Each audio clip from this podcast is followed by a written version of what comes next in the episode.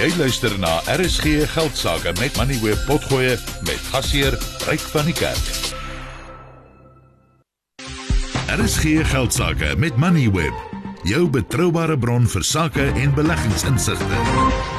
Ons kry nie vir Dylan Dean in die hande van Old Mutual om te gesels oor studieskuld nie. Ons sal kyk of ons hom volgende week op die program kan kry. Maar Amelia, kom ons kyk na 'n paar vrae wat luisteraars ingestuur het. En ek gaan begin by wat is 'n realistiese verwagting van groei by 'n uittreë aan die tyd? Die persoon sê ek betaal al vir 15 jaar lank en die staat wat hy ontvang sê die gemiddelde jaarlikse groei wat uh, hy of sy ontvang het is 7,2%. Dit is net net bo die inflasiekoers sê die persoon en hy vra is dit aanvaarbaar? Ek dink dit is aanvaarbaar. Ek dink jy die eerste hekkie oor oorgekom as jy inflasie geklop het. Want dit is tog die hoofdoelwit wanneer jy 'n lewende anniteit het. Is dit 'n lewende anniteit of 'n anniteit? Nee, dis 'n uittreë anniteit. uittreë anniteit. Goed, ek dink dis eerste hekkie om te oorkom. Natuurlik wil jy bo inflasie opbrengs hê, maar nou moet jy jou verwagtinge bestuur. Jy moet gaan kyk waarin is hierdie anniteit vir jou van jou belê. As dit hoofsaaklik in geldmarkinstrumente is, moet jy onthou dat die laaste paar jaar was rentekoerse in Suid-Afrika in 'n geldmark omtrent 3%. Dit het nou maar eers in die laaste jaar weer opgegaan na 6-7%. So as jy dit hoofsaaklik in lae risiko instrumente nee, gehad het. Nee, maar kom ons sê dit is 'n 7% baie. Dit is 'n 75% in aandele, jy het jou uh, ja. blootstelling aan aan um, eiendom en en dis hoë risikobates wat 'n ja. jong persoon sal verwag. As jy 'n baie gediversifiseerde portefeulje het wat oor al die bateklasse versprei is en ook in die buiteland is. Dis ook belangrik. Dan kan jy sal ek sê tussen 8 en 10% per jaar gemiddelde opbrengs verwag oor die langtermyn. Daar gaan jare wees wat dit minder gaan wees en daar gaan jare wees wat dit meer gaan wees wanneer jy byvoorbeeld voldoende buitelandse blootstelling gehad het, sê maar 'n jaar of 2 gelede het jy sê maar 20-30% op daai deel van jou bates gehad, maar op ander dele weer minder. So dit sal alles afhang hoe gediversifiseerd jy is. As daar 7,2% op my staat staan, gaan sal ek snork en taamlik onbeskool wees op die foon. Ek kan jou dit sê, ek dink dit is uh, Maar ryk mense moet gaan kyk waarin is dit Belena? Want as jy dit in lae ja. in lae risiko instrumente gesit het, dan is dit 'n goeie opsie. Ja, wel dan moet hy 'n nuwe raadgewer kry. ja. Ehm um, dan vra 'n persoon wat wel sê ek is 70 jaar oud en lewe taamlik gerieflik. Ek het pas 'n groot erflating ontvang en het dit nie werklik nodig nie. Mm. En dan sê hy ek wil dit vir my kinders belê sodat hulle eendag 'n lekker bonanza kan kry. Mm. Ek wil egter nie hulle moet weet daarvan nie en ek wil dit ook nie in my boedel hê nie. hoe hoe doen 'n mens dit? mm, okay, daar is maniere. Daar is maniere afhangende van hoeveel geld dit is en wat jy beplan om te doen. Ek sal sê 'n vinnige manier is om 'n buitelandse belegging te doen in hierdie sogenaamde ehm um, life wrappers wat hulle noem uh, dit is amper werk amper soos 'n uitkeerpolis. Dan kan jy dit in jou naam belê met by jou kinders as begunstigdes. So dan gaan dit direk na hulle toe as jy as jy te sterwe kom. Dit vorm nie deel van jou boedel vir doeleindes van eksekuteurs fooie nie maar dit is 'n geagte bate van jou boedel vir boedelbelasting. Onthou as jy daai geld weer by jou as dit jy daai geld by jou kinders wil kry of in lewe of in dood gaan jy belasting betaal. Dit gaan jou 20% kos Dit gaan of boedelbelasting wees of as jy lewe skenkingsbelasting van 20%. Jy kan dit nie andersins by jou kinders uitkry nie. Yes. Tensy dit min geld is en jy kan dit jy kan elke jaar 'n totaal van 100 000 skenk aan jou kinders, maar dan gaan hulle daarvan weet. Miskien maar 'n trust ook oorweeg hange hoe groot die hoe die, die bedrag is. Hange van die bedrag, 'n trust is moeilike ryk vir alles dat 'n paar kinders is en hulle moet dan saamwerk om weer hierdie trustbates te bestuur na afsterwe. Dit dit dit is 'n potensiële probleem. Maar hmm. as jy hierdie geld net in Suid-Afrika wil belê, in die naam van jou kinders, ongelukkig gaan hulle fika benodig word en hulle gaan moet teken daarvoor, dan gaan hulle uitvind daarvan. Dan vra anoniem, uh my huis is soveel werd as my pensioenfonds, die geld in my pensioenfonds. Ek staan nou op aftrede. Hoe neem 'n mens die waarde van jou huis in ag as jy nou die som maak van hoeveel geld jy kan trek uit jou anniteit wat ek gaan koop? Jy kan glad nie die waarde van jou huis in ag neem nie. Tensy jy van plan is om daardie huis nou te verkoop en in af te skaal in 'n goedkoper huis te gaan bly, dan kan jy daardie ekstra geld wat jy gaan maak op jou huis kan jy in ag neem.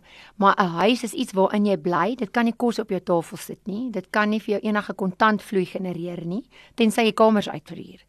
Maar andersins kan jy glad nie jou huis waarin jy woon in ag in berekening bring vir die kontantvloei nie. Ja, daar's 'n groot verskil tussen kapitaal en inkomste en as met Absoluut. aftrede moet jy kyk hoeveel inkomste jy kan kry en en dit is die dis Ja. die dis die uh, botter wat jy op jou brood gaan smeer. Maar ryk as jy voor af, as jy op aftrede staan en jy moet daai berekening maak, kan jy glad nie die huis waarin jy woon in ag in ag neem nie.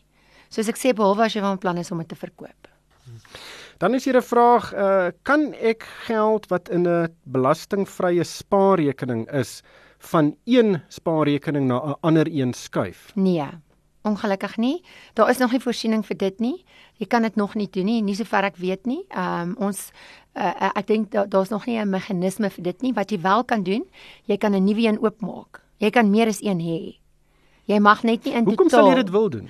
So sê nou maar ek is op die Standard Bank platform en ek is nou lus om eene by PSG oop te maak. Ek wil ek is nie meer tevrede met die produkte wat aan my uh, weet die die verskeidenheid van ehm um, verskillende fondse of of onderliggende instrumente wat ek in kan belê nie. Ek wil byvoorbeeld in 'n spesifieke instrument belê wat net beskikbaar is op die platform van Cinema Old Mutual. Dan kan jy vir jou nog een gaan oopmaak. Maar jou gesamentlike bydraes na alle spaar voertuie wat jy het mag nie meer as R36000 'n jaar wees nie en dit is gesamentlik. So jy kan 10 verskillende sê op verskillende plekke, dit maak nie saak nie. Hier is 'n vraag oor studieskuld en uh, dis seker nou na aanleiding van die gesprek wat ons sou gehad het mm -hmm. met ou Mutual maar uh, sien jy mense wat sukkel met studieskuld wat van jou kliënte of van hulle kinders ehm um, wat uh, regtig net te veel skuld maak en dan die oomblik as hulle met die werksmag moet betree is daar so 'n uh, 'n groot mm. maandelikse betaling wat hulle moet maak dat hulle nie kan uitkom nie. Ja, ek het dit al gesien by van my kliënte wat ehm um, maar vir ewig in daai skuldstryk beland as hulle 'n hoë studieskuld gehad het en hulle begin werk en hulle gaan lewe net so klein bietjie bokant hulle vermoë, koop te duur karre, ehm um, koop 'n te duur huis, dan sukkel hulle geweldig baie om uit daai skuldspiraal uit te kom want dit kan jou nogal kniehalter as jy begin werk. Maar as jy finansiële dissipline toepas en jy die studieskuld weet op die regte manier ehm um, gebruik die geld en jy kan dit onmiddellik begin terugbetaal sodra jy begin werk en dit hang ook af daar's baie organisasies wat deesdae vir mense studielenings gee rentevry. Ek weet dan is dit makliker om dit terug te betaal, maar in die algemeen is dit is dit problematies as jy daai studieskuld veral as jy iets as 'n dokter gestudeer het en baie jare lank baie jare neem voordat jy kan begin terugbetaal. Is dit nogal belangrik om daai dissipline aan die dag te lê om aan die begin so gou as moontlik dit afbetaal te kry. Ja, ek dink begin spaar ja. voordat jy ja, begin probleem, studeer. Weet jy wat die probleem raak met professionele mense? Hulle het makliker toegang tot tot skuld as baie keer ander mense. Kom ons sê jy's 'n prokureur of 'n dokter of jy het een of ander professie wat jy agter jou naam kan skryf, is die bank baie keer bereid om meer vir jou meer skuld te gee. Omdat hulle dink jy het die vermoë of gaan nie vermoë om dit terug te betaal.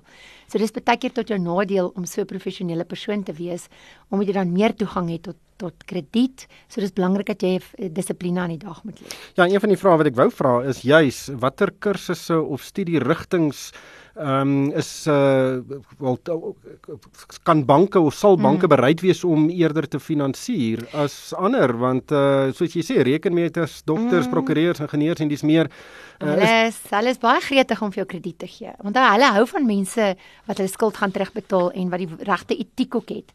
Baie keer behoort jy aan organisasies soos 'n dokter of 'n ouditeur, jy weet, hulle kan nie eintlik bankrot verklaar word of iets nie, maar dit gaan nie werk waar hulle geregistreer is nie. So hulle weet hierdie mense is meer veiliger tipe kliënte. Ek het al gesien met my kliënte wat dokters is byvoorbeeld. Die banke bied vir hulle ongelooflike krediet. Jy kan nie glo nie. Op persoonlike lenings, op huisverbande, op voertuigfinansiering. Dis asof die banke vir hulle onbeperkte krediet gee. En dan is dit baie moeilik vir daai mense om die dissipline aan die dag te lê. Amelia, baie dankie vir jou tyd vanaand en uh, dankie dat jy ingekom het. Dis 'n groot plesier. Met jou rasters rasper stem vanaand. Ek's amper gesond. maar nou ja, dankie daarvoor. Maar die tyd het ons ingehaal. Baie dankie aan Amelia Morgenrood van PSG Wealth en uh, dankie ook aan Tersa Jacobs van Investec wat die vrae oor die begroting beantwoord het. Luisteraars kan 'n potgooi van die program aflaai by moneyweb.co.za en ook op die Moneyweb slimfoon toepassing. En daarmee groet die Moneyweb span van Pelesa Matlala, Pieter Botha en Kokreer en vir my ryk van die kerk. Dankie vir die saamluister en hierdie program is aan jou gebring deur Absa. Jy kan aanlyn na Absa skuif en 'n business evolve rekening oopmaak. Jy het geluister na RSG Geldsaake met Money where potgoe elke weeksdag om 7 na middag. Vir meer Money where potgoe, besoek moneyweb.co.za of laai die toepassing af en volg Moneyweb News om dagliks op hoogte te bly.